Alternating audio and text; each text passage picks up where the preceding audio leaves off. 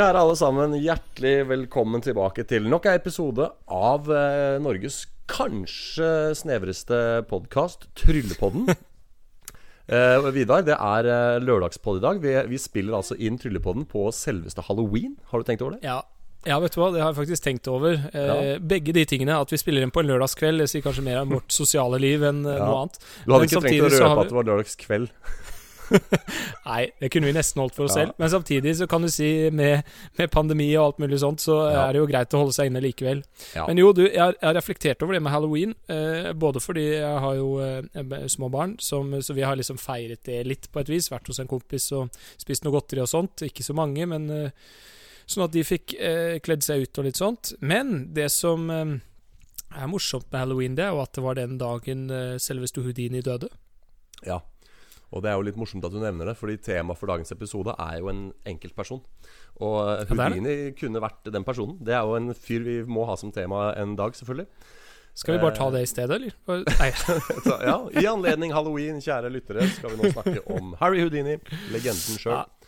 Nei, vi får ja, ta det en annen gang hvor vi har forberedt oss kanskje litt. Men det er jo litt av poenget med podkasten at vi ikke skal forberede oss så voldsomt til disse temaene. Men uh, vi, Ja. vi har jo et spennende tema i dag. Men, det. men det. er vel det, det er vel det som jeg har reflektert over halloween, at eh, Houdini døde i 1926, var det vel. 31. Ja. oktober. Ja, ellers så er det jo et eh, Altså Halloween er jo kan du si en, et konsept som på en måte automatisk gjør seg relevant når det kommer til trylling, fordi det har med liksom litt horror og mystikk og spøkelser og det overnaturlige å gjøre. Så det er jo mange tryllekunstnere som bl.a. har egne Halloween-show og sånn i denne Vanligvis, da kanskje ikke akkurat i år, men vanligvis på kjøpesentre. Og jeg har selv vært og trylla på Godtebiten i Sverige med sånn Halloween-tilpassa show. Ah, nice, nice. Ja, det er jo helt sant. Det er et tema som eh, faller i smak. Ja, Men du Vidar Strat, eh, som seg hør og bør i denne casten her, så skal vi jo ta en liten eh, wrap-up fra sist. Hva, hva har skjedd i ditt liv siden forrige gang vi satt her og skravla? Ja, jeg pleier å si at jeg har så eh, dårlig trylleliv, men altså nå, Ja. Jeg har masse den gangen her òg, ja. Så, Ja. Kupper Jeg- hele bolken hver gang? Ja, jeg tenker jeg skal gjøre det den gangen her òg. Nei, men eh, forrige gang så teaset jeg jo litt og sa jeg skulle eh, faktisk på en slags tryllejobb. Og Ja. eh, nå har jeg fullført det. Det vil si jeg var toastmaster i et bryllup hvor jeg også hadde innslag av uh, trylling. Ja. Det var en uh, nydelig septemberdag, faktisk. Et fantastisk flott vær. Mm. Det har vært mye Så, bra vær denne høsten her. Ja, ja det kan hende. jeg vet ikke. Å nei, ja, du, bor på, du bor jo i Grimstad. Ja, nei, her i Oslo har det vært Ja. mye fint vær. Ja, men Det er jo godt å høre. da Jeg føler det har vært mye regn, ja, men det, nei, men det har ikke vært ille. Det var kanskje veldig bra i starten også. Men igjen, da, nå, nå går vi jo samme fella. Hans Henrik begynner å snakke om været. Det er jo ikke det vi skal. Nei. Vi skal jo snakke om at jeg har vært og trylla i et bryllup. Ja. Um, og eh, det gikk eh, ganske fint. Noen ting gikk ikke som planlagt. Sånn det føler jeg det alltid er. Um, og lærte litt av det. Men uh, alltid syns jeg var litt deilig da å komme litt på en måte i gang igjen. Det er jo lenge siden jeg har hatt et slags kommersielt oppdrag av denne typen. Nå var dette Mm. riktignok noen, noen venner. Mens vi også nevner det i samme kommersielt var det egentlig? Nei, det kan du si. Eh, men det var i hvert fall masse andre folk i det bryllupet som ikke var mine nærmeste venner. Ja. Eh, og da fikk jeg på en måte testet tryllingen på vanlige folk, da. Mm. ikke, og, og spesielt også fordi det var ikke close-up, men det var jo typisk å flette inn litt trylling i noen av disse introduksjonene som jeg Mm. skulle da holde for de som skulle tale, og også en liten snutt til slutt hvor jeg hadde en slags eh, Gjorde litt kort manipulasjon til litt eh, manus, da, hvor jeg snakka om eh, utfordringer og lyspunkter i ekteskapet. Mm. så Ja, eh, det er morsomt. ja. ja, så det Ja. er vel det. Jeg har også faktisk nå fått tilbud om et lite trylleoppdrag på Zoom. Jøss. I forbindelse med at du var og gjorde det forrige oppdraget, eller? Nei, det kunne man kanskje trodd, men det er ikke det. Eh, Nei. dette er litt sånn via via kjentfolk. Eh, og, og jeg skal ikke fortelle så mye mer om det, annet enn at jeg har indikert at jeg ønsker å gjennomføre det, så nå må jeg legge meg litt i, i trening for å, å både finne ut av nøyaktig hva som skal skje, og litt eh, ja, trene selvfølgelig på det. Ja. Men eh, jeg tror det blir en kul opplevelse, så jeg er veldig spent på det. da. ja det er ikke Så gærent. Nei da, og det eh, Sivilingeniøren Vidar gjør eh, knallsterkt comeback på den kommersielle tryllescene. Det er, det er rått. Ja, jeg syns jo det er en slags ironi i det når du sier det, er liksom at e- et oppdrag eh, i, i et bryllup til noen kjære venner, og så får jeg et oppdrag til via via noen bekjente, så Men vi får nå se. På den annen side, nevne ja, Ja. Nei, jeg skulle bare si at det er jo andre episoden på rad du sitter her og teaser at du skal gjøre noe så sjeldent som å trylle. Så i, i, sånn prosentmessig i denne podkastens sammenheng så begynner det å bli litt uh, Så ja, det er jo en endring. Ja, det kan du si. Men um, siste jeg skal nevne, er jo egentlig MCN Live. Jeg vet ikke om jeg har snakket så mye om det før, men jeg har i hvert fall en fast spalte der nå om uh, ja. Tarbell. Eh, Tar Tarbell er jo, som mange vet, et, et eh, verk, eh, et tryllekurs, et svært verk, som ble skrevet i sin helhet midt på 20-tallet, var det? Er ikke Tarbell først og fremst en fyr? Jo, Harland ja. Tarbell var en, var en, person som da sto bak dette kurset. Det var jo opprinnelig et brevkurs. Og så kjøpte vel Louis Tannen, tror jeg det var, den berømte kalde butikkinnehaveren i, i New York, opp rettighetene og lagde bøker ut av det. Eh, så da har jeg en liten spalte hver eh, med MCN Live, hvor jeg eh, tar én effekt ut fra Tarbell, viser den og snakker litt om den. Og det er med I og med at det er, såpass gammelt, og jeg har jo ikke så mye tid til å gjøre noe stort ut av det, så blir det litt som en vekslende hell. Men det har vært en del gode reaksjoner på det også, så mm. det er jo hyggelig. Men det er jo oppsummert det som har skjedd i mitt uh, trylleliv siden sist. Ja, men det er ikke gærent, det. Et show, eh, et annonsert show og et innslag på MCN Live. Jeg syns det, uh, det, er rommelig, Vidar. Ja, jo takk, jo takk. Ja. Og da er jeg spent på da, om hva, du har, hva du har å kontre med. Nei, jeg må jo først bare si at jeg dessverre ikke har Tarbell-bøkene, da.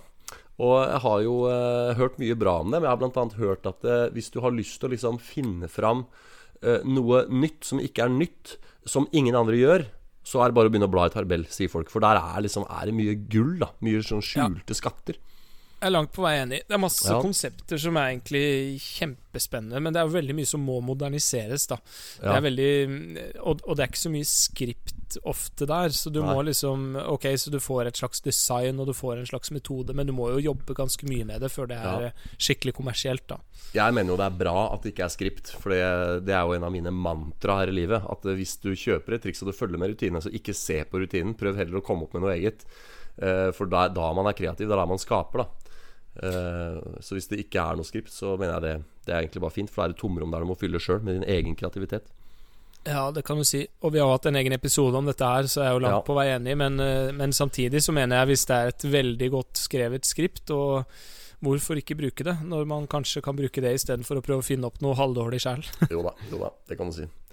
Nei, men jeg, jeg har jo eh, Det har jo vært Eh, noen uker eh, for min del også. Jeg har, eh, i motsetning til forrige gang, da følte jeg at jeg hadde ganske sånn mye variasjon på det jeg hadde gjort. For da hadde jeg bl.a. vært konsulent på noe greier, og så hadde jeg trylla litt, og så var det litt sånn ymse.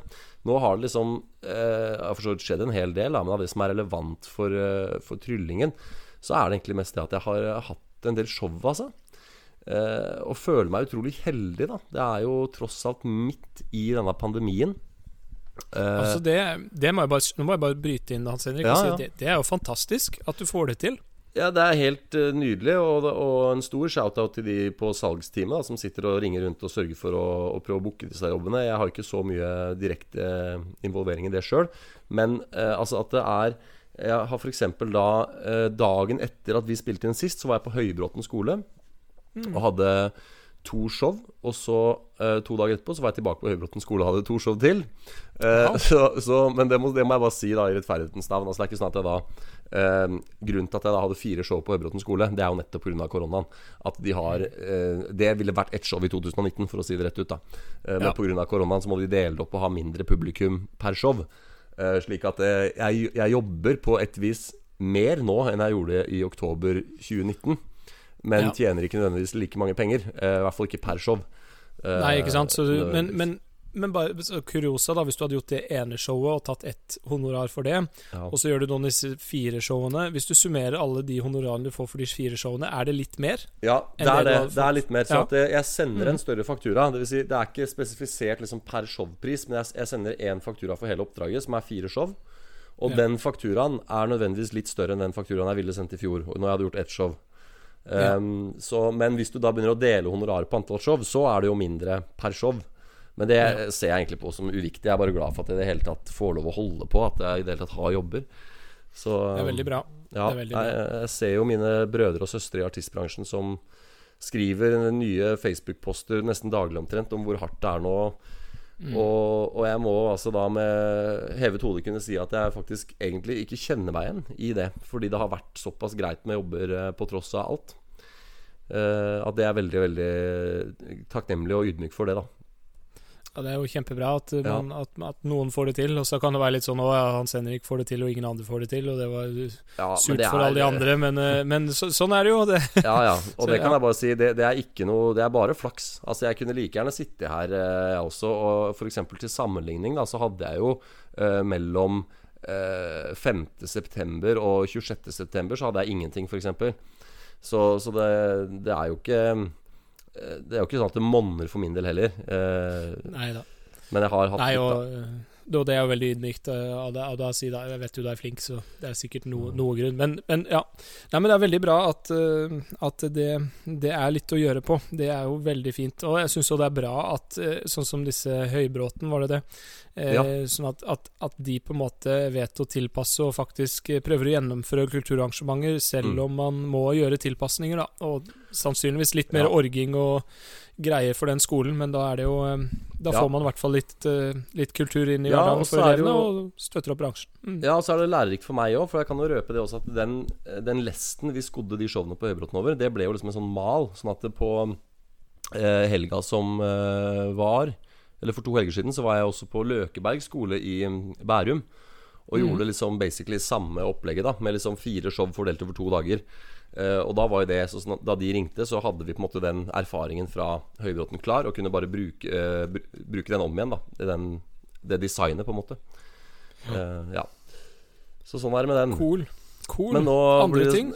Ja, nei, egentlig ikke noe annet enn at jeg bare tenker høyt over det med at nå Alle de showene jeg har snakka om til nå, har jo vært før de nye innstramningene kom. Og nå er det jo kommet nye innstramninger. Så vi får jo se hvor mye show det blir på meg eh, fremover i f.eks. november og desember nå. Det blir trolig lite, dessverre. Ja, ja, ja. Men sånn er det.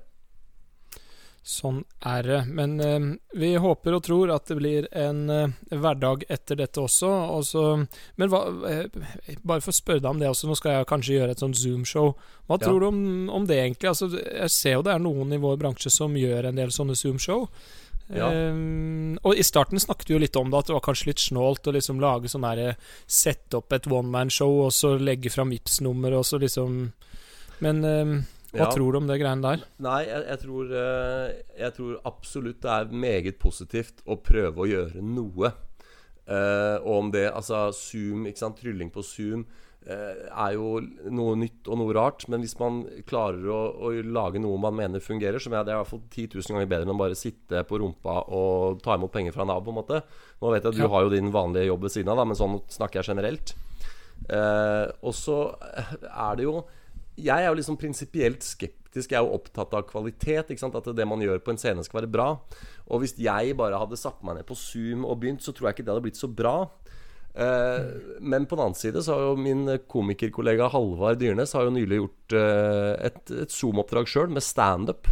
Og da tenker ja, jeg hvis du, hvis du, kan få standup og humor til å fungere på Zoom eh, da kan man få trylling til å fungere på Zoom, på en måte.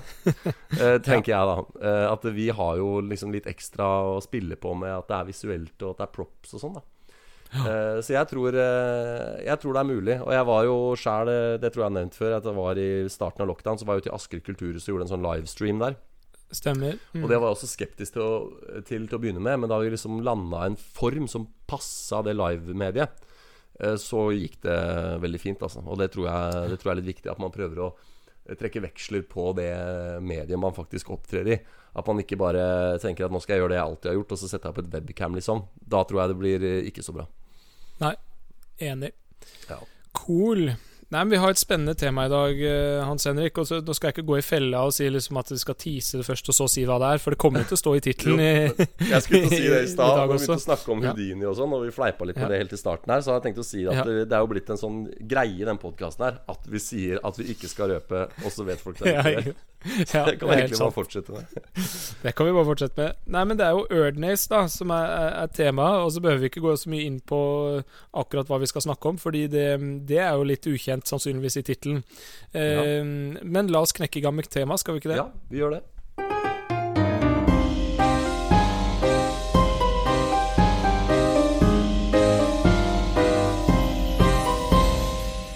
Ja, Vidar. Nå, dette er en episode jeg har gleda meg til. Eh, fordi denne Ja. myteomspunne og sagnomsuste Erdnace er altså en eh, person som jeg vet forsvinner lite om. Så jeg er veldig spent på å høre hva du har å komme med. Og, og jeg gleder meg til å hive meg på med litt spørsmål og funderinger underveis. Ja, og det, nå hviler det jo veldig tungt på mine skuldre, da. Men jeg tenker, jeg tenker vi i hvert fall skal introdusere litt med hvem er Erdnace, og hva er Erdnace. Fordi Ja. det omtales jo både som en bok og som en person. Men, Mm. men det det handler om, er jo en bok som eh, ble utgitt i 1902, så det er en ganske gammel bok. Eh, som da het 'Artifice, Ruse and Subterfuge at the Card Table'. Men Ja. den har blitt kjent som 'The Expert at the Card Table', som Ja. også sto på Kall det Hva kaller man det? Eh, Ikke margen, men på baksiden av boken. Der Løpeseddel. typ Løpeseddel Nei, nå må du gi deg. Nei, vaskeseddel. ja, men det er baksiden. Vaskeseddelen er baksiden. Ja. Men jeg tenker på, på The Spine, heter det på engelsk. Ja, Altså her, ryggen. nå vis Ryggen, er det kanskje ja. jeg tenker på. Ja, altså på siden av boken. Der Ja. står det 'The Expert at the Car Table'. Det mener jeg også gjorde i liksom first edition. Og, Ja. det, og det er nok noe av grunnen til at den bare blitt hetende det. Eh, Ja. Og så er det en bok som egentlig da omhandler hvordan man skal jukse i eh, kortspill. Og, men den har også en seksjon som omhandler eh, både teknikker og effekter som angår trylling. Ja. Og så kunne man tenke seg ok, eh, hva er det som er så snålt med denne boka, eller hvorfor har den blitt så kjent? Hovedsakelig så handler jo det om eh, Di Vernon, som vi også har snakket om noen ganger, som var en, en eh, meget respektert tryllekunstner som eh, oppholdt seg eh, mesteparten av sitt liv i USA, og er på en måte var the, the house man på Magic Castle i mange, mange år. Mm. Og eh, han eh, fikk eh, tak i denne boken eh, tidlig i sitt liv. Det sies vel at han var en åtte år gammel eller noe sånt. Ja. Og eh, forelsket seg i boken og har brukt veldig mye boken i ett, altså gjennom hele sitt liv. Og snakket masse om den, sitert den masse, sånn at alle som hang rundt Di Vernon, forsto at dette var en veldig veldig viktig bok. Mm. Eh, Hvor var det Di Vernon levde igjen? Han levde fra Nå spør du vanskelig. Jeg mener han døde i 1992 og ble Ja. 98 år gammel. Akkurat, ja. Eh, Så han så ble da liksom vel født rundt den tida Ørnes ble publisert, da. Ja, 1894, da. Blir ikke det riktig? Da blir det 6 pluss 2 er 8. Ja, noe sånt. Mm. Og da eh, så, så det er riktig. Vernon levde jo da sannsynligvis også mens Erdnace eh, Eller det må han nesten ha gjort, mens Erdnace Ja. levde. Og, og det som da er Erdnace, det er jo da etternavnet til forfatteren av boken.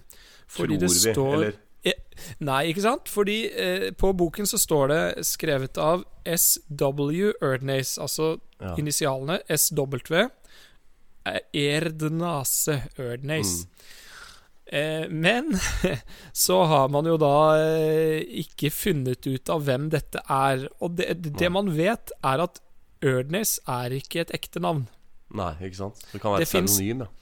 Ja, det fins ingen som heter uh, Erdnace, og ingen som heter Erdnace. Jeg skal ikke si om det ikke fins. Plutselig så er det jo en som kaller seg for Erdnace. ja. På kødd. Det, på, på, på vas, ikke sant? Det ville jo vært litt festlig. Ja. Men ehm, så kommer man da i, på et tidspunkt til å se det at hvis man ser Erdnace baklengs, altså Erdnace WS Ikke sant? For det er jo SW Erdnace.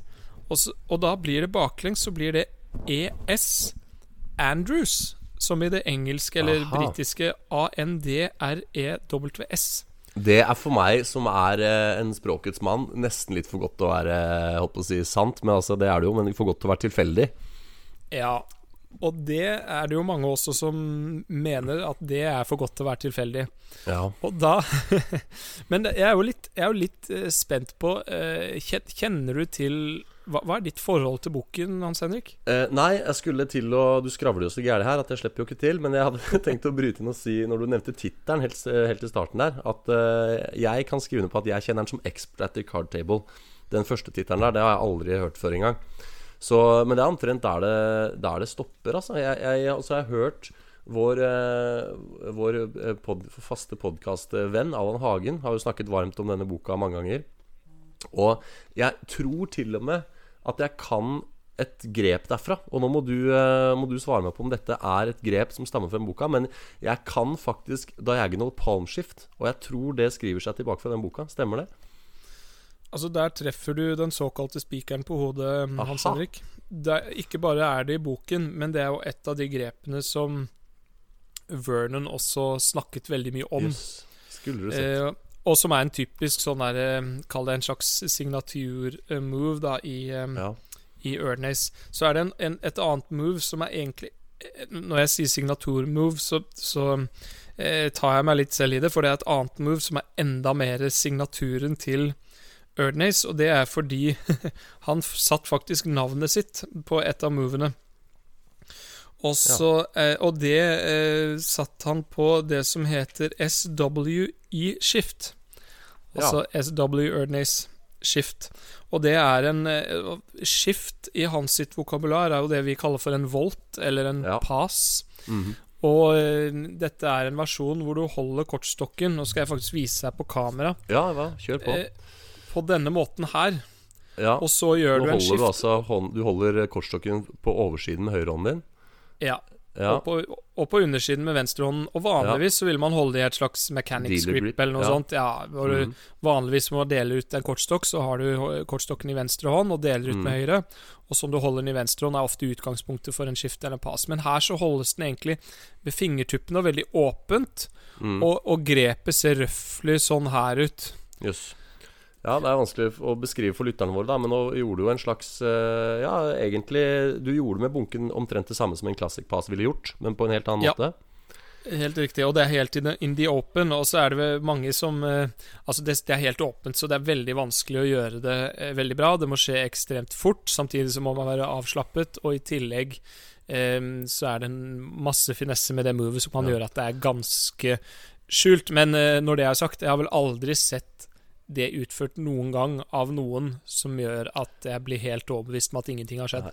Jeg, jeg må bare skyte inn da at hva gjelder grep som er vanskelig å skjule helt, fordi de er så åpne, som du kaller det Vel, da må jeg altså tilkjennegi at min classic pass, f.eks., som er laget for å være ganske usynlig når du gjør det perfekt, den er på ingen måte usynlig. Jeg har det mest sølete classic passen du noen gang har sett.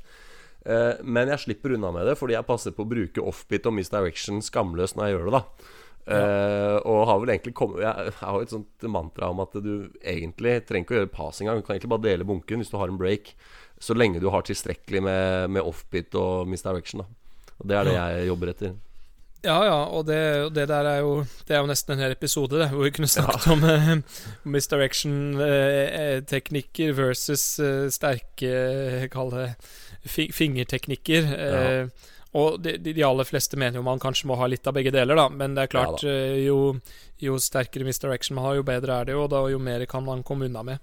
Ja. Men, men, men dette er altså noen av, av teknikkene altså, eh, Det står utrolig mye forskjellig i, i denne boken. Eh, og jeg skal faktisk tillate meg å, å lese litt, grann, Ja, så, folk får en, slags, får en slags forståelse av språket. Dette er liksom fra preface, som, um, som Erdnase skriver.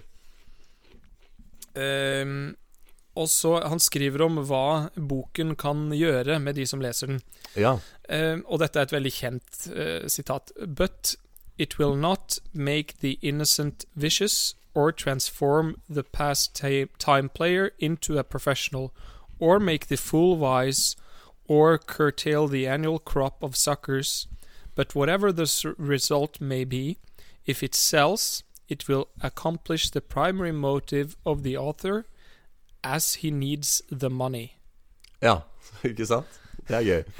Og det er litt mors eller morsomt, vet jeg ikke, men det er i hvert fall veldig finurlig. For dette er noe Ja. også disse, og det kan vi jo komme tilbake til, disse hunterne som har prøvd å tracke ned hvem var Ja. egentlig Erdnace, har hengt seg litt opp i. Men det er jo, no, det er noen ting der som er um, interessant. Det ene er at han skriver i hvert fall at han solgte, eller skrev boken for å tjene penger. Mm. Eh, det andre er jo at hvis vi hører på språket, så er ikke dette noe sånn her eh, dagligdags eh, Nei, nei. enkel engelsk, det er, og det gjennomsyrer også boken. Det er ganske Det er veldig presist, nesten litt sånn Mm. akademisk. Mm. Og det, det tyder også på at enten så var Erdnace en person med høy utdannelse som kunne skrive godt, Mm. eller så var det en person som fikk en eller annen til å skrive det for seg, men som Ja. var en flink juksemaker, da. Da må jeg bare skyte inn to ting der. For det, bare Mm. for å ta det med en gang, da. Eh, la oss si at eh, For jeg syns begge de to scenarioene har noe som skurrer litt ved seg.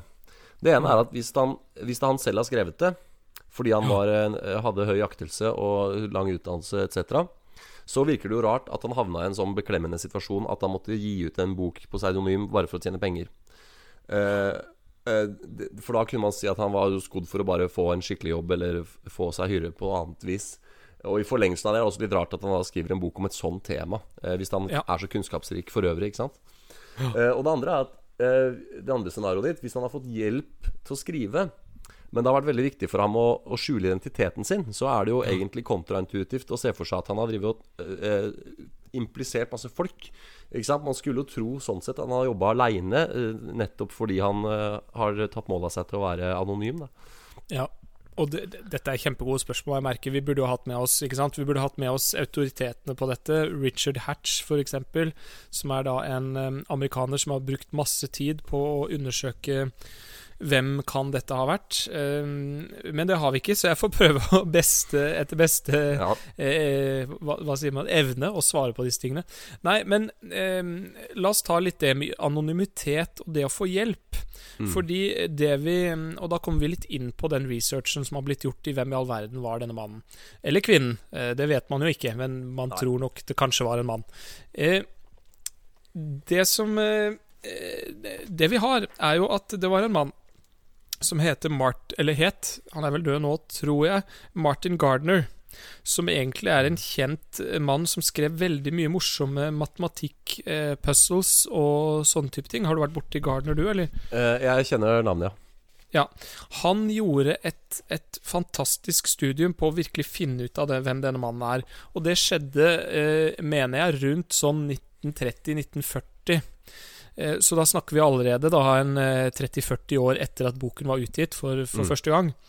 Eh, men det han merket seg, var jo at ikke bare står det navnet S.W. Erdness i denne boken, men han ser jo 'Illustrated by M.D. Smith'. Ja, ja, stemmer. Dette har jeg hørt om. Hvem i all verden er den med det, Og nå merker jeg får frysninger på ryggen av å snakke om det. Ja, ja, For det er så spennende.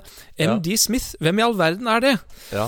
Og da eh, Gardner eh, tracker da ned denne MD Smith, eh, skriver brev og alt mulig. Det var jo ikke bare å liksom eh, eh, legge ut på Facebook Er det noen som kjenner en MD Smith. Nei. ikke sant? Så det var masse Og det var jo liksom eh, noe som karakteriserer den researchen som ble, som ble gjort. At det var mye gå rundt og telefoner og skriving av brev og sånt. ja, ja. Men han finner altså denne mannen, og han eh, eh, På det tidspunktet da så hadde, var, det, var det en god eh, stund siden han eh, hadde eh, gjort denne boken, ikke sant? I og med at det er da flere titalls år siden.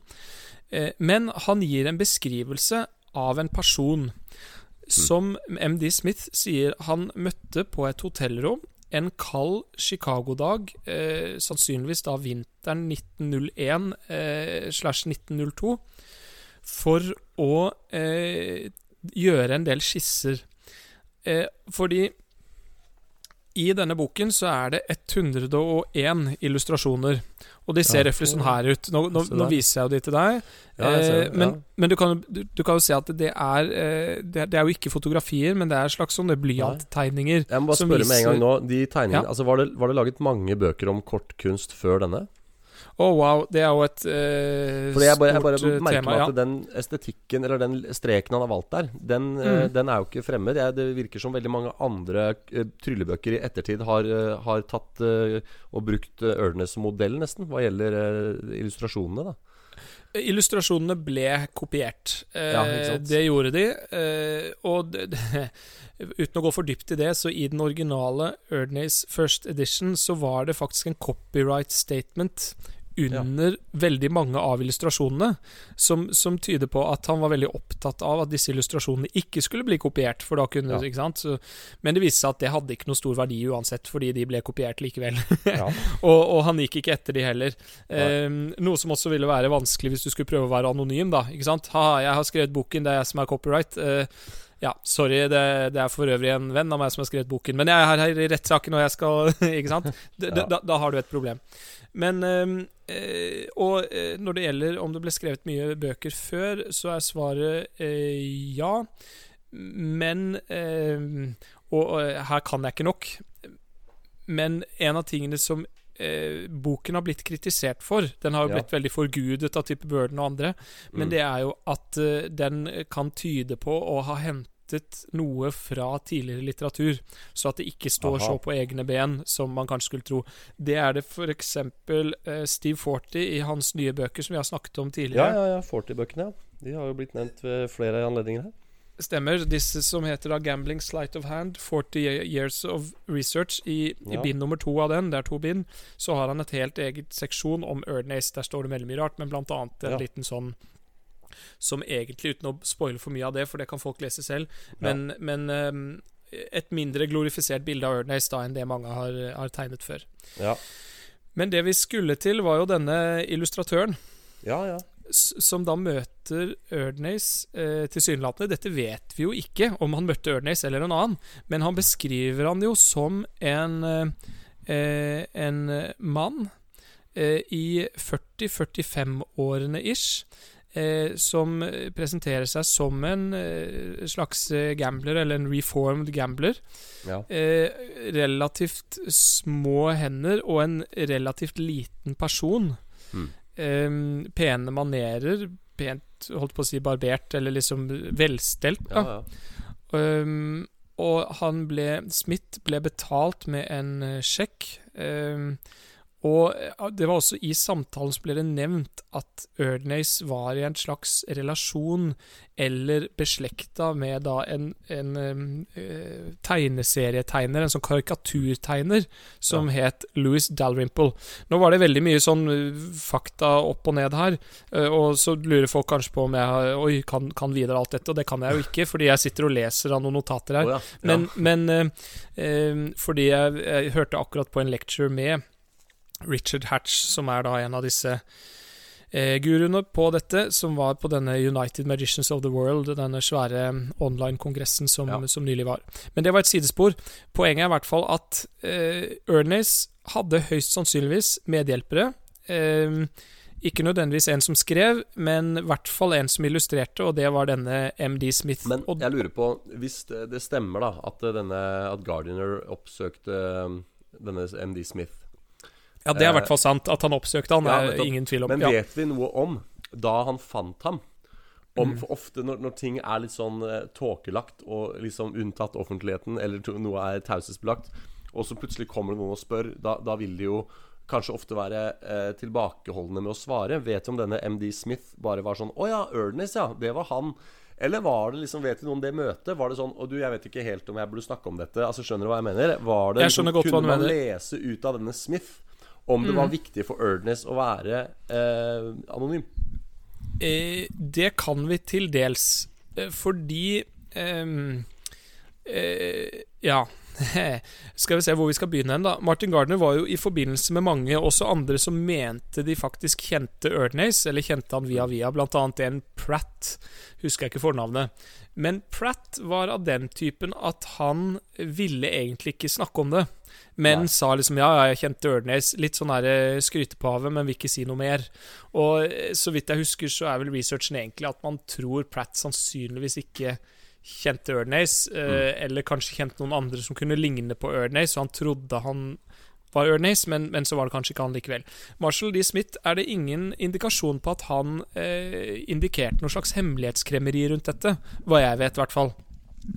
Men, eh, men eh, så, så er det jo interessant det du sier der, eh, fordi ikke akkurat det, hvorvidt det var hemmelig eller ikke, men spørsmålet når man gjør et sånt møte, er jo også at man har noen ganger kanskje en teori om hvem det er.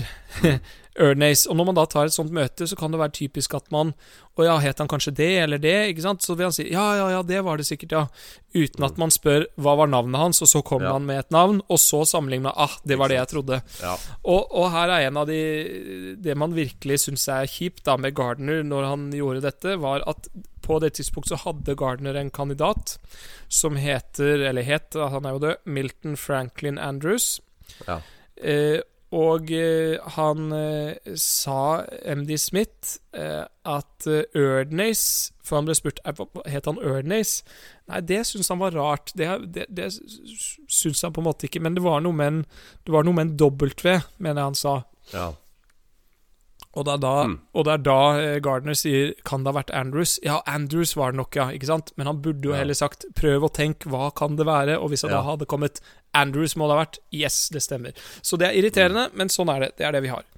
Ja, dette her er jo, har jeg lest mye om nå i forbindelse med forskningsdesign og vitenskapsteori og forskningsmetode. Viktigheten av å være presis der i spørsmålsstillingen og ikke være førende osv. Ja, ja. Og, og det jo, men det svarer jo litt på spørsmålet hvor viktig var det egentlig for Ørnes å være anonym? Mm. For, fordi Unnskyld. Gitt, gitt, da at, at Smith faktisk gjorde disse illustrasjonene og Vi har egentlig ingenting som tilsier at han ikke gjorde det. Hvorfor skulle han finne på det? Han ble liksom ikke noe rik i etterkant, selv om han, han hang jo litt rundt på kongresser og signerte litt bøker og sånn, for folk syntes det var kult.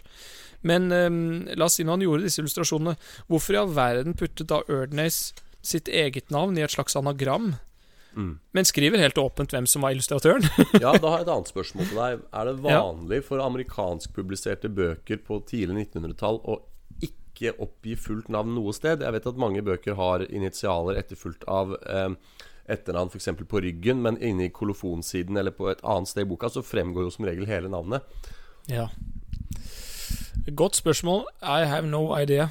Dessverre. Nei. Dette må vi ta med noen andre. Men ja, eh, eh, ja rett og slett. Ja, for, for, hvis det viser seg at det var eh, boktrykkerskikken på tidlig 1900-tall i USA, var å alltid skrive initial, initial etternavn, så er det jo på en måte greit. Men hvis det, ikke, hvis det, ikke, var skikken, hvis det viser seg at de fleste andre bøker på et eller annet sted oppga fullt navn, da kan man ja. jo eh, med styrket overbevisning fastslå at liksom Ernest gjorde dette bevisst da, for, å, for å bevare en slags hemmelighetsskremmeri. Ja, og han, han gjorde Altså, det, det, beste bevis på det mener jeg jo egentlig er at eh, det finnes jo ikke noe Erdnase noe sted i noe så, så, så, at det er et fiktivt navn, det er man så å si 100 sikker på. Men ja. om Men, men eh, for å si det Ta det sånn, da. Det fins jo tre hovedkandidater hvem man tror denne mannen var. Ja. Eh, den ene er Milton Franklin Andrews, altså Martin Gardner sin kandidat, som han eh, trekket ned eh, i, for, i, forbindelse også med samtalene med Smith. Og så har du Richard Hatch sin kandidat, som eh, faktisk heter ES Andrews, Edwin Sumner Andrews. Yes. Ja. Eh, som det kan være. Eh, og så har du en annen ES Andrews, som det er en som heter Todd Carr. Eh, der kommer det snart en svær bok som skal forklare masse om det. Og så ja. er det den siste av liksom, de virkelig store i mitt hode. Det er en som heter Wilbur Edgerton Sanders, som mm. er eh, David Alexander sin kandidat. Og det som er så fascinerende, er jo at alle disse kandidatene passer høvelig bra. Det er, ja. det er, ganske mye som tilsier at uh, hvem som helst av de kan i teorien ha vært Ernest. Mm. Uh, og det uh, Dette spurte jeg faktisk Hatch om fordi i en e-post e tilbake i tid. For jeg, jeg syns det er så snålt. Én ting er at det er en ukjent forfatter, men når man setter seg ned og begynner å lete, så føler jeg sånn Da burde det jo være sånn at enten så finner du ingenting, eller så finner du én som passer. Men her finner ja. du på en måte fire, og, og dette ja, er de fire er mest prominente. Det er, det er mm. mange flere som mm. passer sånn litt, men ikke like bra. Men alle disse passer sånn ganske bra. Kanskje de skrev den sammen? ja, Ny teori her. Du hørte det i Tryllepodden ja, først. Det var eh, det er egentlig en uh, antologi skrevet av flere forfattere, og så har de sammen funnet et, et, et pseudonym som passer for dem alle. Ja, og jeg, skal komme tilbake til hva han svarte på akkurat det om, eh, om eh, hvor eh, det rart det er at det er så mange som muligens passer så greit. Men jeg vil bare nevne også et annet spørsmål som jeg hadde til ham, og det er jo nettopp Det virker jo som det, er flere som nevner tilbake i tiden at de sannsynligvis er kjent Erdnace, eller eh, nettopp denne Smith har jo ganske sannsynligvis møtt han. Så, så det mange ting som tyder på at det ikke er noe sånn sterk anonymitet bak. Altså Erdnace ville ikke bli gjenkjent umiddelbart, men han ville også at det skulle være mulig å finne ut av hvem han var. Mm. Og, og, selv når det, det, ligger såpass til rette da, for å finne ut av hvem det var altså Det virker som det er mange veier her egentlig til rom. Hadde vi begynt denne researchen i 1902 Mm. så hadde vi sannsynligvis kommet fram til et svar. Ja, Og, det, og det, det tror også Richard Hatch, at dette er litt sånn, det er litt sånn irriterende. Men, men det Mm. er nok sannheten, da. At hadde man bare begynt å Det er for seint, liksom. Det er litt for seint, rett og slett. Ja. Ja, for, og det Eh, tenker jeg bare skyte inn det med en gang. At, uh, at Ja. det liksom sånn tidsvitner eller eh, Altså reelle førstehåndsberetninger og reelle kontakter og venners venner og sånn eh, vil nok være utdødd. Og når personen da ikke har tilstrekkelig signifikans, så vil du da i 2020 ikke klare å finne noen. For det er klart, hadde han vært en eh, toppolitiker eller en topp eh, Hva skal jeg si for noe? Hva heter sånn eh, forretningsmann? Så ville jo hans ettermæle favnet mye bredere, og da ville det også vært lettere å finne kontakter. I og med at det han drev med, var var Slight of Hand og en bok om korttriks, så vil jo hans på en måte ettermæle Altså han det vil, Skjønner du hvor jeg vil? Det er vanskelig å spore tilbake en, en sånn type Ja. fyr, da. Ja, Så lenge er jo, ja, det, er, det er akkurat det. Jeg vil bare nevne det eh, hva, hva Richard svarte på det jeg spurte om angående eh, at det finnes mange kandidater. Det han sier, som ikke var eh, kjent for meg, er at eh, det er ingen som helt enda har fastslått faktisk hvem Shakespeare var. Ja, den, eh, den er litt eh, Ja, eller fortsett. Jeg har, jeg har noen ord om det. Ja, det er kult, fordi dette kan ikke jeg noe om i det hele tatt. Men han sier um, There are several candidates, og, og eh, mange tror det er én fyr, men det er ca. en tolv andre, mener han. Dozen or so, dozen or so compel, eh, comp, competing candidates.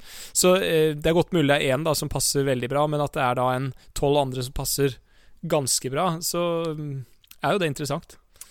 Ja, uh, når det gjelder Shakespeare, da. Jeg sitter jo her med flere hundre studiepoeng i teater. Ikke sant? Og, eh, og det som eh, er der, er at eh, det er jo egentlig ingenting som kan sies med sikkerhet lenger, men eh, abs de absolutt aller fleste teatervitere og teaterhistorikere mener at Shakespeare var én fyr som het Shakespeare. Eh, og og alt, den andre forklaringen din, at, han, at det liksom var et eh, pseudonym for en, en helt sånt forfatterkollegium, Mm. det, det mener, eh, mener egentlig det brede laget at det er bare en konspirasjon som er blitt utrolig populær og fått veldig mye fotfeste. Um, og eh, til og med vår egen statskanal, NRK, hadde jo en dokumentar om en fyr som prøvde å finne ut hvem Shakespeare var, og det var helt sånn derre eh, Da Vinci-koden-dimensjoner over det. Hvis du har sett den der National Treasure-filmen med og, og ja, Vinci-koden, Nicholas Cage, ja. Mm, Ja, og så han derre fyren Han dro fra sted til sted og fant nye koder som pekte i nye retninger og sånn, ikke sant. mm. Eh, og, så, og det er utrolig spennende å følge med på, selvfølgelig. Man vil jo, det er jo en av grunnene til at konspirasjoner er så gøy, fordi man vil jo gjerne at det skal være sant. Ja, Eh, enig i det. men, men det er eh, Det var visst NRK fis- fikk eh, visstnok litt kritikk for å ha vist den dokumentaren òg, for det er liksom sånn eh, De som virkelig kan dette, er, er ganske sikre på at Shakespeare var Shakespeare, på en måte. Ja, Men, men, men uansett så er det interessant at det Ja, ja. finnes eh, Kall det andre kandidater også som noen er tilbøyelige til å tro på. For da er det ikke så Da har vi jo et godt eksempel til på at, på at det er ikke så usannsynlig at man har et godt knippe med kandidater som kan passe høvelig godt. da Nei, absolutt. Eh, så, så det gir mening. Eh, Ja. jeg, jeg tenkte jeg skulle si lite grann om disse kandidatene. Eh, ikke mye, men denne Milton Franklin Andrews og Martin Gardner da mener at det er eh, Dette var jo en eh, fyr som man eh, vet var en svindler. Mm. Og også en morder, visstnok. Eh, mener han Ja, jeg mener han ble på en måte tatt eh, med, Altså at- at han rømte fra politiet og låste seg inne på et hotellrom, og der tror jeg han drepte kona altså seg sjæl etterpå. Eller noe. Det er Skikkelig sånn tragisk greie. Eh, og, men dette var da den Martin Gardner virkelig trodde at det var. Eh, og, men en ting som ikke stemmer så bra, det er at han eh, Smith, illustratøren, nevnte at eh, denne personen var ganske liten, ikke sant? At han Ja. så ned på ham. Martin Martin Gardner var ganske høy. Eh, Ja. Unnskyld, ikke Gardner, men Milton Franklin Andrews, Ja, Gardner sin eh, kandidat, var ganske høy. Så det, det stemmer ikke. Eh, det finnes ingen eh, påvist eh, relasjon til denne Dalrymple. Eh, Vernon var også veldig skeptisk til at eh, det var han som hadde gjort det, men det tror nok folk kanskje er fordi eh, han ønsket ikke at sitt store idol skulle være en morder. Det er kjipt, kjipt å tenke på, ikke sant. Ja, Men det var andre ting også. Han var egentlig litt for ung på det tidspunktet. Han var 29 år i 1901. Så, så det er veldig mye som ikke passer. Men eh, man vet er en juksemaker, så man kan putte en kortstokk i, i, i hendene på han. Eh, og passer veldig godt med veldig mange andre ting, så det er fremdeles en veldig habil kandidat. Men flere og flere mener nok at kanskje ikke det er rette. Selv om dette er jo den som da ble, ble tatt fram i tid nærmest når boken ble skrevet, altså på Ja. 30-40-tallet, da, ikke sant. nettopp. Eh, så har vi David uh, Alexander sin, som er kjempeinteressant. Altså Wilbur Edgerton Sanders. Det er jo et mer komplekst anagram. Hvis du har Mm. SW Erdney, så tar det baklengs, får du E. Sanders. Men hvis du skifler litt om på bokstavene, så Ja. kan du da få WE Sanders. Ja. Um, og her er det masse ting som, som stemmer bra. Det som stemmer minst, er nok uh, kompleksiteten i anagrammet. Fordi Mm. hvis du virkelig ikke vil bli eh, oppdaget, som vi snakket om, hvorfor skriver du da hvem denne illustratøren er? ja? Ehm, han did not need the money. Dette var en mer en rik, eh, eller mer bemidlet eh, type. Eh, han har beskrevet en del andre ting hvor man er usikker på om det egentlig t- Kall det pennen høres lik ut, da. Man har Mm. ting som han har, eh, har, har skrevet. Um, også ehm, eh, Han også og Her er et viktig poeng. Han eh, levde eh, etter copyrighten gikk ut. Aha. Fordi denne copyrighten den gikk eh, faktisk ut på, ved første anledning. Den ble ikke fornyet.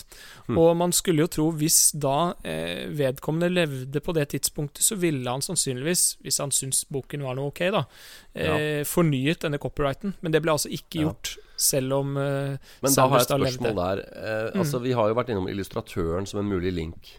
Men det må jo være en forelegger inne i bildet her òg? Et forlag? Og, det er, det er, og forelegget fins, det skal jeg love deg. For de må jo eh, vite noe. Ja, de må vite noe, men det er her vi er for seint ute, ikke sant? Ja. Eh, boken ble sannsynligvis eh, printet av en, eh, et selskap som het James McKinney and Company i Chicago. Eh, det ble sannsynligvis også solgt bøker rett fra printeren, altså fra eh, foreleggeren. Men Mm. dette vet man faktisk ikke så mye om. Det man har funnet, er jo at den ble, boka ble eh, avertert for, altså de reklamerte for boka Mm. i 1902, ganske relativt raskt etter den kom ut, men, men samtidig ikke Så har man ikke funnet noen som var sånn med en gang etter den kom ut, så det er også litt rart.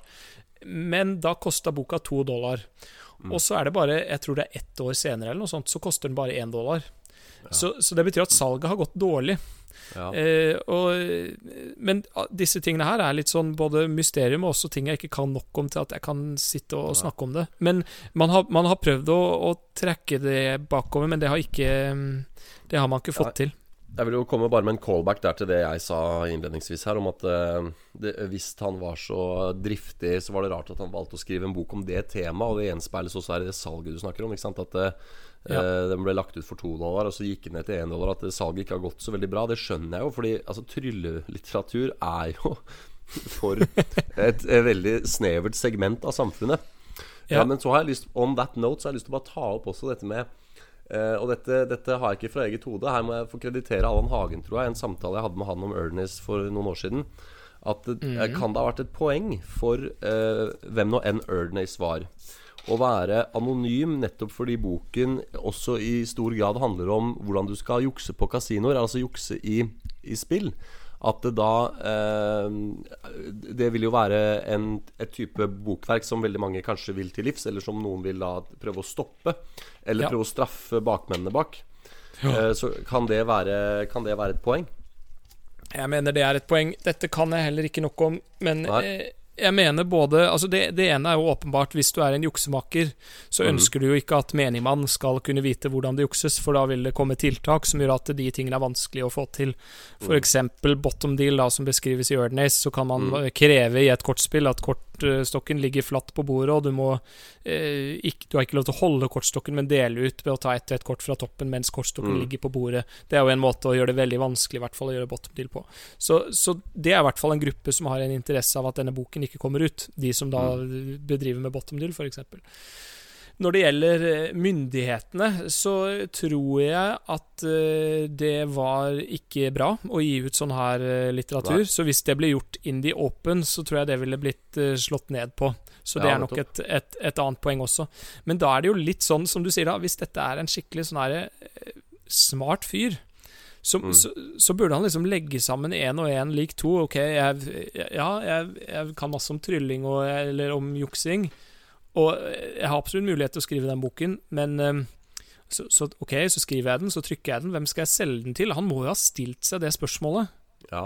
Men, men kanskje han trodde da at eh, med, med en gang førstemann leste den, så var, Å, fy søren, dette var bra. Så ville liksom bare spread the word eh, eh, mann til mann, og så bare ha, selger han alle sammen. Og og det, var ikke en, det var ikke en spesielt billig bok. Altså Nei. To dollar på den tiden var rundt eh, Jeg mener sånn 60 dollar ish i dag, altså 600 kroner, da hvis vi regner røftlig om til dagens Ja. kurs. Så det var ikke noe sånn derre du gikk og kjøpte deg fordi du og fylleren, den kom over en bok, liksom. Men eh, jeg holdt på å si eh, Kan dette ha vært bare en, en spiller som var eh, 120 år forut for sin tid hva gjaldt liksom Altså eh, lage seg en sånn der, Et image, da. Altså kan det Det, det fins jo folk i dag som kunne funnet på å gjøre dette her som en eh, Som en markedsføringsgreie, eller som en merkevarebygging, eller som et PR-stunt. Altså Kan han ha gjort dette Ja. eh, på kødd? Ja, det, det hadde vært lættis, det, da, men, men da er du jo ganske tjukk i huet når du ikke skriver navnet ditt på boka. Ja, ikke sant? For, det, ikke, så, ja. du, for, du, for du, hva skal du gjøre den med Ok, Ørnes ble jo åpenbart veldig veldig kjent, men veldig mye Ja. senere da enn det som var eh, eh, Som Jo, i så fall burde vært inntenkt. Ja. Ja, men kan man ha gjort det? Merkevarebygging var en tåpelig eh, ting å si. For det? Da er jo hele poenget at man skal, det skal spores tilbake til en person eller et produkt. Men at han nettopp bare gjorde det fordi han ville eh, Han ville skape forundring. Han ville skape en slags kult rundt seg sjøl. Eh, uten at han nødvendigvis noen gang skulle få innsikt i hvor, hvor mye Eller hvor stor utstrekning dette fikk, men bare at han liksom eh, At han, han så dette komme, da, og at han moret seg med det, på en måte. Ja jeg, jeg, hvis du spør meg, da jeg, jeg vet jo virkelig ikke. Men jeg tipper dette er en person Nummer én, han er åpenbart flink til, å både, til, til kortteknikk. Mm. Altså, det er jo en grunn til at Vernon siterer fra den boken hele tiden. Ja. Jeg, i, I denne her sammenheng skal jeg faktisk dra et lite sitat til, hvis ikke det har datt ut. Hvor uh, død, død, død, han snakker om palmering. ja. Eh, ikke sant? Her But it is entirely another matter to palm them from the deck in such a mat manner that the most critical observer would not even suspect, let alone detect the action. Hmm. Det er noe som ofte er, er sitert, at det er ikke Ja. bare det at de ikke skal se det, men de må ikke mistenke det engang. Det er, det er liksom én setning, veldig subtilt og fantastisk, veldig rikt skrevet. Eh, Ja. At, at han var kunnskapsrik, det tror jeg. At han hadde en passion for det, det virker også helt åpenbart, fordi han Mm. har puttet navnet sitt på noen av disse tingene. Han hadde en slags stolthet i Ja. dette. Eh, Min teori er jo egentlig at han han var jo sannsynligvis en person som kunne masse, og som var veldig lidenskapelig opptatt av det. Og da Ja. føler jeg at man har en slags trang til å skape seg et slags ettermæle. Du ser jo det Ja. i tryllemiljøet også, ikke sant? Eh, Med en gang man føler at man har liksom noe å komme med, så skal man jo få med å skrive bok. Det skrives jo bok hver uke om trylling, ikke sant? Så at det var en sånn type fyr Og, og for å si det sånn, jeg tror ikke det er sånn at alle som skriver, skriver tryllebok, blir eh, skikkelig rike i dag, da. Eh, og så tror jeg, men så tror jeg heller kanskje ikke de tror at de kommer til å bli det heller. Så sånn sett Nei. så er det kanskje rart Jeg er jo den han store elefanten i dette rommet hva gjelder Ja, publisere en eh, tryllebøker man ikke blir rik av. Men eh, Nei, jeg, jeg har jo eh, Jeg må bare si det, da. At jeg, jeg solgte jo faktisk i forbindelse med lansering av min bok på Magiske timer i 2013, Ja. så solgte jeg akkurat nok bøker til å gå i null på hele prosjektet. Så, Men det så er sånn bra. Sett så var, ja, det var Ja, er egentlig det over all forventning. så, Ja. så lenge det er et nullprosjekt, så er det greit. Men ikke sant, men, men så står det ikke i forordet i din bok at uh, du skriver den først og fremst for å, for å tjene penger. Nei. Nei da. Nei. Men, eh, men tilbake til Erdnes. Altså, er Ja. det Hva skal jeg si om eh, La oss ta en annen inngang, da. Folk som trylla. Altså, la oss bare se bort fra det der med, med card sheets et øyeblikk og betrakte det som en ren trylleteknisk bok. Ja. Tryllekunstnere i 1902. Ja. Hva, altså, hvordan var det med dem? Var det mye firmajobber? Var det mye show? Altså, var de Fordi hvis, altså, I dag så har man en veldig god oversikt. Du har liksom Magiske sirkel med medlemsliste, og de som ikke er medlem, de finner du på Facebook eller på Google. Og så kan Ja. du liksom tenke Ok, hvilken av disse tryllekunstnerne kan ha skrevet en sånn bok? Hvem var det som trylla i 1902? Og var det på jobb, eller var det hobby? Og kan man liksom finne noen aktører som var jævlig gode med kort i 1902? Altså, er det en inngang? Har man prøvd det? Eh, wow. Ja, det har man vel eh, Jeg eh, hmm. Dette kan jeg igjen ikke nok om. Nei, en nei. kandidat som er litt sånn, er jo en som heter Lom Mask. L apostrof Homme, også Maskue. Han levde fra 1851 til 1924-ish. Det står et spørsmålstegn bak, så jeg er litt usikker. Men dette er jo faktisk Juan Tamaris sin kandidat. Det er Ja. jo interessant. Ja, ja. Dette var en så vidt jeg husker, en peruviansk eh, tryllekunstner som var flink og ganske kjent spesielt for noen moves. Eh, det ene movet som jeg husker nå, er en slags myntfremtrylling, hvor du viser en hånd tom, og så lukker du den igjen. Og så gestikulerer du over denne hånda, og i den gestikuleringen så lader du på en måte en mynt inn i den tilsynelatende tomme hånda. Det er vel Ja. en sånn lom, lom move. Eh, så noen lom mener det Musk er han han var god på romraketter òg, han. I- Elon Musk, er det du Ja. tenker på? ja, jeg tror ikke det er han som har skrevet den. Nei, men, ok. eh, ja. Eh, men, eh, men nei, så det er jo et eksempel på en kandidat som man, man vet var oppegående tryllemessig. Men det er liksom Han er ikke amerikansk. Han er ikke riktig alder, ikke riktig høyde eller størrelse på hender. Eh, det, det, det er aldri vist at han egentlig var i USA noen gang. Eh, og denne personen var jo sannsynligvis i Chicago-området på et eller annet tidspunkt. Var jo der han valgte å trykke boken. Så det er veldig mange ting med den kandidaten i hvert fall som ikke stemmer. Eh, og så er det jo litt sånn at, uh, uten at jeg vet, da, veldig mange av de så fordi, du, du- En ting er at du leter etter en fyr som var veldig veldig flink til å trylle, men du leter også etter en fyr som dør eh, sannsynligvis rundt eh, Altså før 1930. Ja. Fordi det er i 1930 at denne copyrighten går ut. Mm.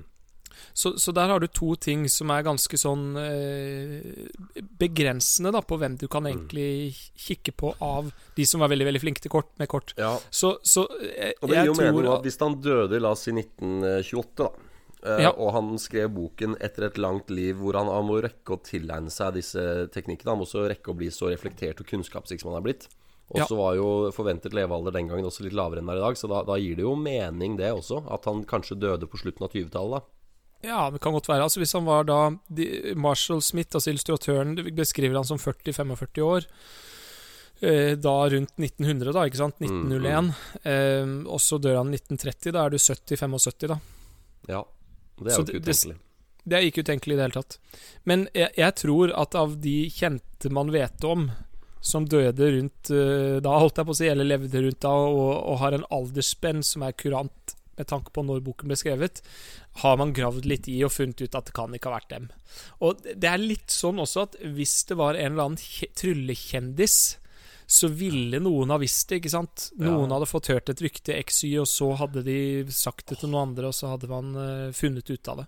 Men Så det er det det, må- her som ja. er så spennende ut, at det går an å lage en så monumental bok, og at det går an å få et så enormt ettermæle, og samtidig være så fullstendig blank hva gjelder Ja. kunnskap om hvem det var. Det er utrolig fascinerende, ass. Ja, Det er jo rett og slett uh, veldig spesielt. Men det er kanskje noe av grunnen også til bo hvorfor boken har blitt så Ja. kjent. ikke sant? Fordi man ikke Ja, ja. vet, og da blir den automatisk mer mystisk. Men mest da av Vernon sine, sine high praises om, om boken. Jeg, kan, jeg vil bare nevne også den, den siste liksom litt større kandidaten. Denne Todd Carr-kandidaten kan jeg ingenting om. Men uh, Edwin Sumner Andrews, det er jo Richard Hatch sin kandidat. Han dør da i 1928, så det stemmer veldig bra. Rett før uh, copyrighten går ut. Ja. Han har uh, ES Andrews som navn. Han har røftlig riktig alder, riktig eh, størrelse. Det er også en sannsynlig link til Dalrymple, at han, han gifta seg med noen som var eh, eh, relatert til, til Dalrymple. Han eh, var en sånn tog-traveling agent. eh, så, så han hadde sannsynligvis sett mye kortspill. Mm. Em, virker å være på alle de rette stedene til rett tid. Eh, det Man vet ikke så mye om, om utdannelsen hans, man vet ikke nøyaktig denne Dalrymple-relasjonen, men i mitt hode så det, høres ut som en bra kandidat, altså. Men samtidig, Sanders-kandidaten nå, ikke sant. Der, de- de- denne som David Alexander hadde, der har man jo funnet eh, notatbøker hvor han har lekt med anagrammer av sitt eget navn. er ikke Ja. det spennende, ikke sant? Jo, det Eh, er om- altså for godt godt å være tilfeldig. Ja, kanskje, men eh, Ja. men hvorfor skrev han da 'Need the money', ikke sant? Hvis han var litt, eh, litt rik? Eh, eh, og, og hvordan er det da sånn at han har klart eh, Mulig han har kamuflert eh, språket sitt, Ja. da, hvis ikke det stemmer godt nok overens med de andre tingene. Eh, jeg bare hvorfor- og, og, og, og, og ikke minst, jeg bare liksom trumfer det også. Hvorfor lagde han et komplekst anagram når han skriver illustratøren på Ja. Nei, Ja. det, det er jo tilbake til det jeg sa om at det, om han har gjort dette her med overlegg, på en måte. Fordi vi skal jo ikke glemme det at tryllekunstnere, i tillegg til å drive da mye med teknikk og hurtighet og liksom finesse, så er det jo misdirection som er den store andre viktige komponenten for å avstedkomme vellykket magi. Ja. Og kan det da være at han bare lefla med At han bare tenker sånn jeg, altså At det er misdirection? At han gjør det på en eller annen måte Ja. med vilje? ikke sant? At han tenker nå skal jeg eh, Altså at han skri, Sånn som du sier da når han skriver 'I need the money', at han ikke gjorde det, men han skrev det liksom bare for å villede folk. Fordi Mm. Ja. han på en eller annen måte fant en slags tilfredsstillelse i det. Det er jo ikke utenkelig, det heller.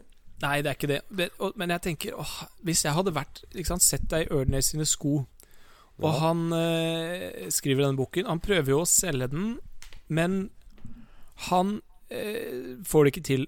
Ok, men tror du ikke han ville fulgt litt med på en måte, sånn i ettertid? Ikke sant? Ok, oi, oi nå er plutselig dette blitt en, en, en veldig populær bok Ja. i trylle... Altså, Gardner begynte jo dette researchet Ja, når han begynte, skal jeg ikke si, men det var vel rundt sånn 1940 som han begynte å ja, men Hvis han da dør Ja. i 28, så hjelper jo ikke det. Nei, nei, nei, ikke sant? Men, men jeg ville jo tro at boken eh, gainet litt popularitet eh, før det. Ja. Og, og dermed så ville jeg liksom Jeg ville jo tenkt filler'n, jeg ville hengt litt rundt på kongresser bare sånn anonymt og sett Oi, se der, der gjør noen mine ting. Ha-ha, de vet Ja. ikke at det er jeg som har laget det. sant? var det mye tryllekongresser på 20- og 30-tallet, eller? Ja, jeg mener det fantes noe. Dette kan jeg Ja. ikke nok om. Men, men at det i hvert fall fantes eh, trylleblader, Mm. det gjorde det. Og øh, jo da øh, Altså, det er en annen sånn kuriosa som Richard Hatch trekker fram, at det, det finnes en deltakerliste på en bankett i, eh, i eh, Canadian Club eh, of New York i Mm. 1908. Og eh, filler'n trodde jeg dette var en slags tryllekongress, men det er det ikke nødvendigvis. Men da er det en en som uh, kaller seg SW Erd Nose. Virkelig? ja. Men det vet man da ja. Men man vet ikke hvem dette er. Eh, jeg hadde kanskje et håp om at det var en tryllekongress, men det, det skal jeg ikke si. Men jeg er ganske trygg på at det fantes kongresser da også. Eh, Men hvis vi vet Hvis det finnes en deltakerliste fra et arrangement hvor noen kaller seg EW Ernose ja. Altså Det kan jo være Altså De skrev jo med penn den gangen. Altså Om det Ja er en litt dårlig O som skulle vært en A, altså hva vet jeg. Det, det Ja da, Absolutt. Men, og det kan også bare være noen som har tulla, ikke sant. ja. Og bare skrevet seg inn som det, og så eh, Ja. Ja. Men eh, Nei, så, konklusjonen på dette er jo egentlig bare Vi vet ikke. Jeg tror det er god sjanse for at vi aldri kommer til å få vite. ja. Eh, men at det er veldig veldig spennende, det er det ingen tvil om. Og at boken er god, eh, det er det ingen tvil om. Det er jo ingen, det er jo ingen eh, nybegynnertekst, det er det ikke. Det er jo mange som sammenligner den med mer sånn derre Principia, eller eh, Ja, kall det. Euclids eh, Ja. ja. ikke sant? Newtons Principia eller Euklids geometri, eller liksom ja.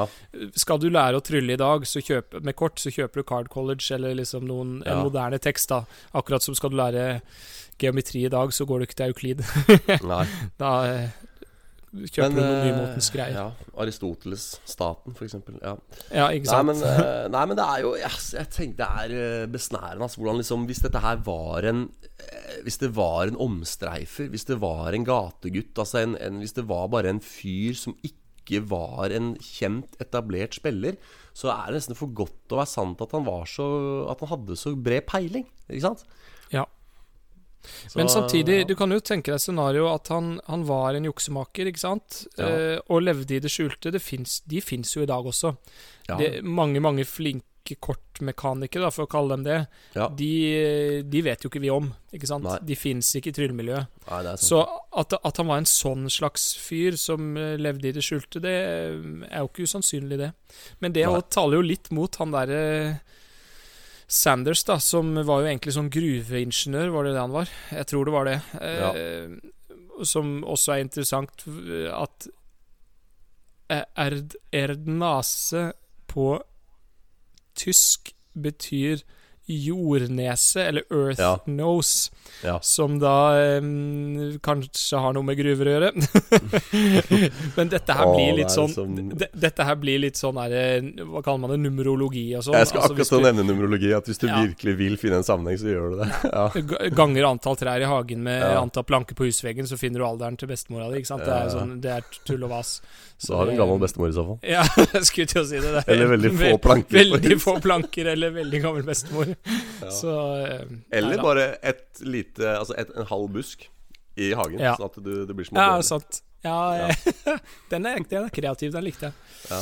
Men, men jeg vil også nevne bare sånn Hvis noen er virkelig interessert i å grave i dette her eh, Richard Hatch er autoritet. Han eh, ser du jeg bøyer meg litt ned, for jeg skal bare finne fram The Expert at the Card Table, en DVD-serie som ble lagd Jeg mener det er Houdini Magic er i Las Vegas. Gino Munari, er det ikke det han heter da? Eh, Houdini Picture Corporation, ja. Som laget en boks hvor Alan Ackerman, som er en kjent korttekniker, går gjennom hele boken og viser alt. Mm. Eh, unnskyld. Der er det en egen seksjon hvor Richard Hatch holder en lang prat om funnene rundt Erdnase. Så den, Mm. eh, den eh, anbefales. Og så er det jo, hvis man får mulighet til å se en lecture med Richard Hatch eh, Nå hadde man jo muligheten nå helgen som var, eller helgen før, så anbefaler jeg absolutt det. Det er en fantastisk flink fyr. Og så er det en sånn tråd på Genie-forumet, hvor både Hatch er aktiv, og jeg mener David Alexander var aktiv. Jeg tror han er død nå. Eh, Så hvis man også det- Og det mener jeg er gratis å få tilgang til. Eh, Ja.